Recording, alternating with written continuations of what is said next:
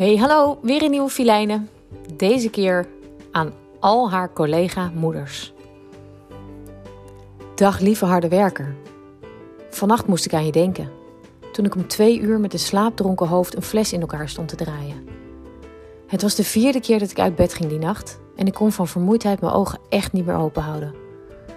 Mijn lieve kleine mensje had pijn in haar oortjes, poep in haar luier en zin in een lekker potje knuffelen.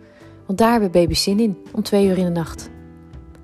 Ik zat op de wiebelstoel, zoals we die hier in huis noemen. En voelde hoe de baby langzaam weer in slaap viel. En hoe ik langzaam wakker werd. Op het moment dat ik haar zoet van de slaap weer teruglegde in haar bedje, was er bij mij geen spoor van slaap meer te ontdekken. Daar zat ik weer. Zoals elke nacht de laatste tijd.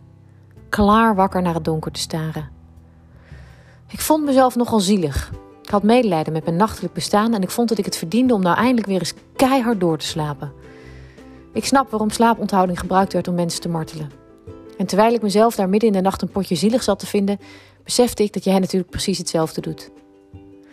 Jij zit ook voor de zoveelste keer met een baby, peuter of kleuter op je schoot terwijl er in je hoofd een, een klus ligt te wachten. Jij komt ook beneden, met de wallen onder je ogen die je alleen maar van je ouders kende. Jij zou ook zo graag weer eens een nachtje keihard doorslapen. Ik zie je op het schoolplein staan.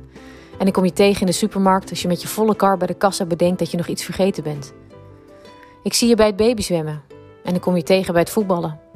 En ik vraag me af, heb jij dat ook? Dat je ondanks alle drukte, ondanks alle slaapgebrek, ondanks de oudere versie van jezelf in de spiegel, toch soms ineens keihard wordt overvallen? Overvallen door een intens gevoel van geluk? En terwijl ik de woensdagmiddagauto weer vol laat met jassen en tassen en bijbehorende kinderen, kijk jij me aan. Heerlijk hè, die vrije woensdagmiddag. Je trekt er een wanhopig gezicht bij.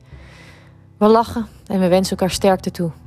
Maar stiekem vinden we het inderdaad allebei heerlijk. Geniet ervan. Liefs, Filijnen.